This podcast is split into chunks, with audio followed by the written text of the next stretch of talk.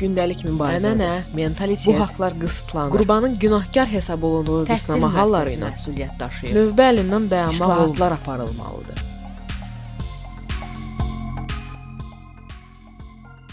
Salamlar əziz dinləyicilər. Mən Turana və Nəfəs LGBT Azərbaycan Alyansının təşkilatçılığı ilə podkastlar seriyamıza davam edirik. Bugünkü müzakirə mövzumuz LGBT-lər, qadınlar və şəhər quruculuğudur. Mövzunun adından aydın olduğu kimi, biz şəhərlərin inklüzivliyindən, şəhərsalmada qadın və LGBT-lərin nə qədər nəzərə alındığından söhbət açacağıq. Bugünkü qonağım yenidən Nigardır. Xoş gəlmisən Nigar.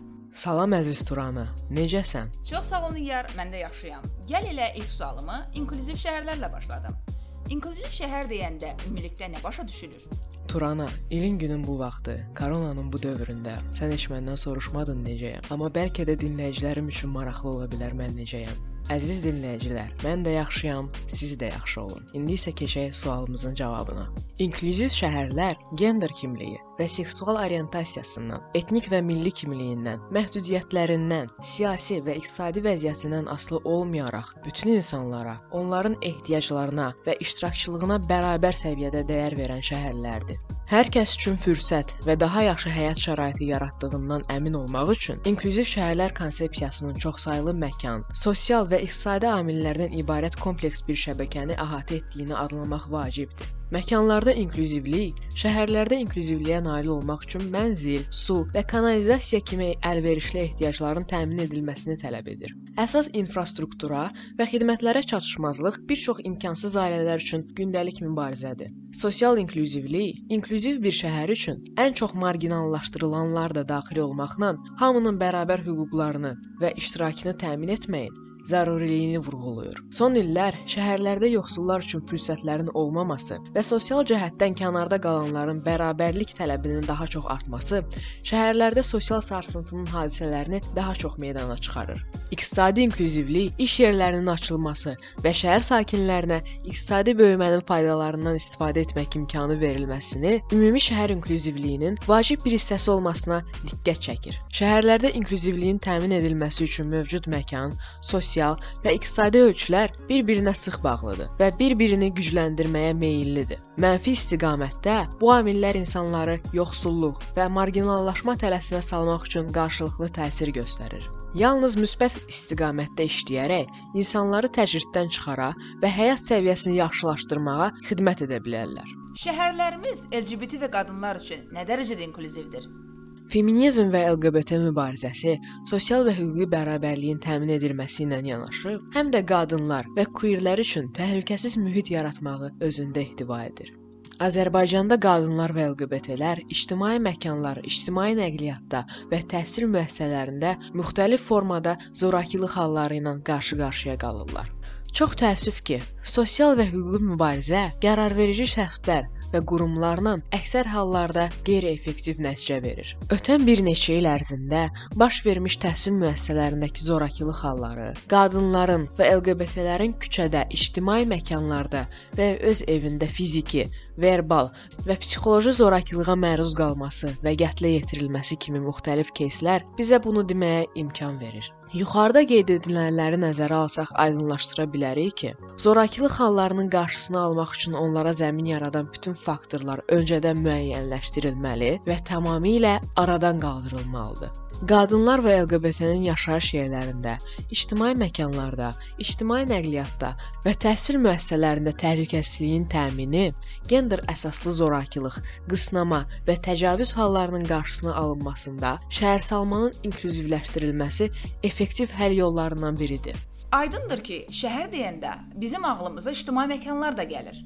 Bəs ictimai məkanlarda LGBT-lər və qadınlar hansı problemlərlə üzləşir və ya üzləşə bilər? Bu haqqda nə deyə bilərsən? Bir çoxumuzun düşüncələrinin əksinə, şəhərsalma və gender mövzuları bir-biri ilə sıx əlaqəlidir və birlikdə təhlil edilməlidir. Dünyanın bir çox ölkəsində olduğu kimi, Azərbaycanda da problemli şəhərsalma LGBT və qadınları təhlükə qarşısında qoyur. Fundamental təhlükəsizlik qadınlar və icma üçün ictimai tualetlər və ictimai məkanlarda əsas narahatlıqlardan biridir. İctimai tualetlər və paltar dəyişmə otaqları əsasən binar normativlərə uyğundur. İctimai tualetlər problemlidir və sayı məhduddur. Mərkəzdən kənar küçələrdə kifayət qədər işıqlandırma yoxdur. Küçə və səklər dar və təhlükəlidir. Bütün bu problemlər LGBT və qadınları zaman-zaman müxtəlif zorakılıq hallarına məruz qalma ehtimalı ilə üz-üzə qoyur. İndiki sualım biraz əvvəlki sualımın davamı kimi olacaq. Mənə maraqlıdır ki, bu ölkədə şəhərsalma qadınlar və LGBTlər üçün nə dərəcədə əlverişlidir? Azərbaycanda ümumi konteksti nəzərə alsaq, LGBT və qadınlar şəhərsalmanın yaratdığı kommunal problemlərlə ən çox qarşı-qarşıya qalanlardan hesab olunur. Ölkədə işsizlik səviyyəsi yüksəkdir və qadınların əksəriyyəti ya məişətdən kənara çıxa bilmir, ya da aşağı gəlirli işlərdə çalışmalı olurlar. LGBT üçün də vəziyyət müəyyən qədər bənzərdir. Əksəriyyət aşağı maaşlı işlərdə, xüsusilə xidmət sektorunda işləməyə məcburdur. İctimai nəqliyyat LGBT və xüsusilə qadınların mütəmadi zorakılıq halları ilə qarşılaşdığı mühitlərdən biridir. Görünüşə görə bullying, psixoloji, verbal zorakılıq qurbanın günahkar hesab olunduğu qısnama halları ilə bir çoxumuz qarşılaşmışıq. Son bir neçə ildə şəhər mərkəzləri bizlər üçün daha təhlükəsiz mühitə çevrilib. Bunda şəhər mərkəzlərində transmilli qida xidmətlərinin, yerli fast-food restoranlarının sayının artmasının, molların şəhər mərkəzlərinin yaxın tikilməsinin müstəsna rolu var. Pub və kafelərin sayının artması şuurlu olaraq edilməsə belə, bu məkanlarda tualetlərin gender neytral olması transları binar tualet problemindən xilas edir. İdman zalları, fitness mərkəzlərində paltar dəyişmə otaqları və tualetlər hətta bəzi hallarda istifadəçilərin gün bölgüsü adətən cis binar normativdir. Bunun başlıca səbəblərindən biri olaraq cisgender qadınların təhlükəsizliyinin və rahatlığının təmin olunması irəli sürülür. Lakin bu tip binar yanaşma trans qadın və trans kişilər, qeyri-binalılar və özünü heç bir gender ilə identifikasiya etməyənlər üçün başlıca problemdir. Mağazalardakı paltar dəyişmə otaqları təyin olunmuş gendera fokuslanır. Böyük ticarət mərkəzlərində fəaliyyət göstərən marka mağazalarda paltar dəyişmə otaqları qadın və kişilər üçün olmaqla ayrılır. Digər narahatlıq yaradan məsələ isə geyimlərin genderləşdirilərək şöbələrə ayrılmasıdır. Şəhər mərkəzləri qadınlar və icma üçün müəyyən qədər təhlükəsiz hesab olunsa da, mərkəzdən uzaqlaşdıqca, xüsusən gecələr zorakılığa məruz qalma ehtimalı artır. Dar səkilər, yetərsiz elektrik dirəkləri və işıqlandırma, qarışıq döngələr cinayətə təşəbbüs üçün zəmin yaradır. Məsələ buna görədir ki, əksər zorakılıq hallarına belə məhəllələrdə rast gəlinir. Çayxanalar ətrafa toksik maskulinlik və patriarxal düşüncənin ən çox təbliğ edildiyi mühitlərdən biridir. Ənənə, mentalitet, din və şəriət adı altında toksik cis hetero kişi hegemoniyasının davamını səsləyən, mizoginik, transfob və homofob davranışları təlqin edilir. Nifrət nitqi, zorakılığa səsləmə və zorakılıq hallarının alqışlandığı bu tip mühitlər adətən qadınlar və bir çox LGBT tərəfindən təhlükəli hesab olunaraq uzaq durulmağa çalışılır. Lakin buna baxmayaraq, vəziyyətin nisbətən ürəkaçan olduğu, qadınların və LGBT-lərin özünü təhlükədə hiss etmədiyi çayxanalar da mövcuddur. Bu da olmaz reallıqdır ki, təhsil müəssisələri və məktəblər də şəhərimizin bir hissəsidir. Bu müəssisələrdə inklüzivlik ilə bağlı vəziyyət nə yerdədir? Bunu necə izah edə bilərsən? Təcrübələrə və araşdırmalara əsasən deyə bilərik ki, gender kimliyimiz və seksual orientasiyamızdan asılı olmayaraq, demək olar hamımız təhsil müəssisələrində müəyyən formada zorakılığa məruz qalmışıq. Bunlar sadəcə bullyingdən kifayətlənməyərək, daha irəli dərəcəli verbal, psixoloji, fiziki, hətta cinsi zorakılıq halları da ola bilər. Bütün bu hadisələrdə bir qurum olaraq təhsil müəssisəsi məsuliyyət daşıyır. Bir çoxumuz əksər hallarda şikayət edildikdə qurbanların günahlandırıldığı və vəziyyətin daha da pisləşdiyindən xəbərdarıq. İlina Hacıyevanın intihara məcbur edilməsi, lirikdə müəllimin 15 yaşlı zehni məhdudiyyətli şagirdin zorlaması, İsa Şahmarlının, eləcə bir çox LGBT-nin təhsil müəssisələrində qarşılaşdığı zorakılıq halları bizə təhlükəsiz təhsil mühitinin önəmini bir daha vurğulayır. Binar gender normalarının formalaşmasında və dəstəklənməsində təhsil müəssisələri müstəsna rola malikdir. Erkən yaşlarından bizlər oğlanlar və qızlar olaraq bölünür və buna əsasən davranmağa məcbur edilirik. Bizə olunan rəftar da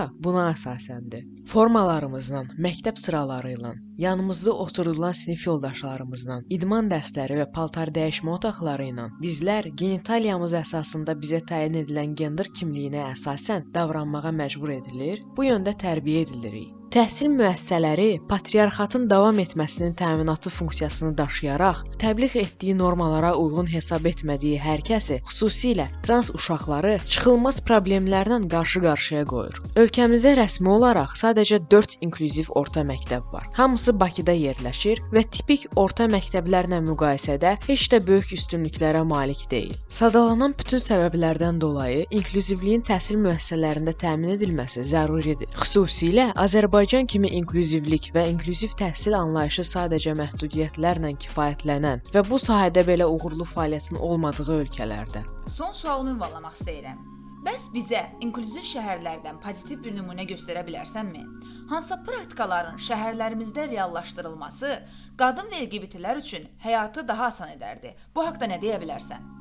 LGBT-lər üçün inklüziv şəhər dedikdə, əsasən Amerikada, Birləşmiş Krallıqda və Qərbi Avropanın bəzi ölkələrində formalaşmış neighborhoodları misal çəkmək olar. Neighborhood dedikdə zamanla LGBT-lərin köç saldığı, yaşayıb həyat sürdüyü və əhalisinin ortalamasından çoxunun LGBT-lərin təşkil etdiyi qapalı şəhər icmaları nəzərdə tutulur. Lakin bu praktikanın da bəzi mənfi və müsbət cəhətləri var. Müsbət cəhət kimi bu şəhərlərdə birlik hissinin olması və sayca çox olan fərdlərin daha özlərini güvəndə hiss etmələri misal götürülə bilər. Eləcə də LGBT-lər yolda, kafedə, restoranda, ictimai yerlərdə rahat və sərbəst formada heç bir qınanmaya məruz qalmadan əl-ələ tuta, dolaşa və özlərini geyim və həyat tərzləri ilə daha rahat ifadə edə bilərlər. Bundan əlavə bu şəhərlərdə yaşayan digər LGBT ailələr və binar olmayan ailə və çevrə anlayışı uşaqlı LGBT ailələrə və onların övladlarına daha sağlam şəhər və sosium anlayışı aşılayır. Hansı ki, bir başqa pozitiv nümunədir. Neqativ tərəflərinə gəldikdə isə LGBT-lərin neighborhood yaradaraq özlərini marginallaşdırması və ayrılaşdırması və eləcə də digər böyük servis və kapitalist bazarlarına daha asan yem olması götürülə bilər. Neighborhoodların zamanla şəhərləşməyə, bir başqa adla gentrifikasiyaya məruz qalıb eksklüziv şəhərə çevrilməsi və bu şəhərlərə çıxışın cavan və az gəlirli LGBT-lərə qeyri-mümkün olması praktikanın bir başqa mənfi tərəfi kimi götürülə bilər. Ölkəmizə gəldikdə isə sistematik və köklü dəyişikliklər və sağlam siyasət aparmaqla əldə olunan və qorunub saxlana biləcək fobik və diskriminativ olmayan cəmiyyət yalnız şəhəri qadın və LGBT-lər üçün inklüziv edə bilər və hal-hazırda biraz utopik görünür. Ona görə də mən daha praktik nümunələr göstərməyə çalışacağam. Məsələn, əvvəl də danışdığımız kimi ictimai tualetlər gender neytral formaya salına bilər. Lap bu belə mümkün deyilsə, qadın tualetlərinin sayı kişilərinkinə nisbətdə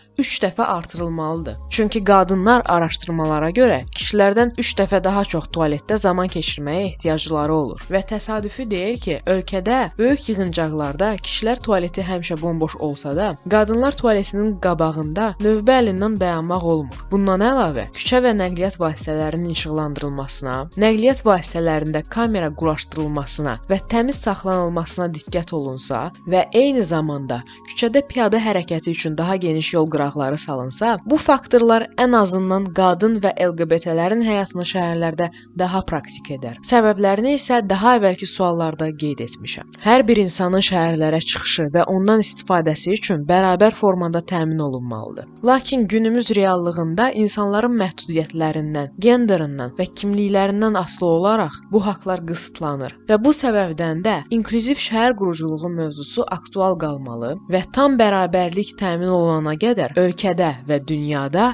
islahatlar aparılmalıdır. Məndən bu günlük bu qədər. Sizlərlə Nigar idi əziz dinləyicilər. Və çox sağ ol suallarına görə Turana. Çox sağ olun əziz dinləyicilər. Bugünkü podkastımız burada başa çatır. Çox sağ ol Nigar bölüşdüyün məlumatlar üçün. İzləmədə və dinləmədə qalın. Nəfəs Azərbaycan Alyansının Quyu podkastlar seriyası növbəti həftədə yeni və daha maraqlı bir mövzumuzla davam edəcək.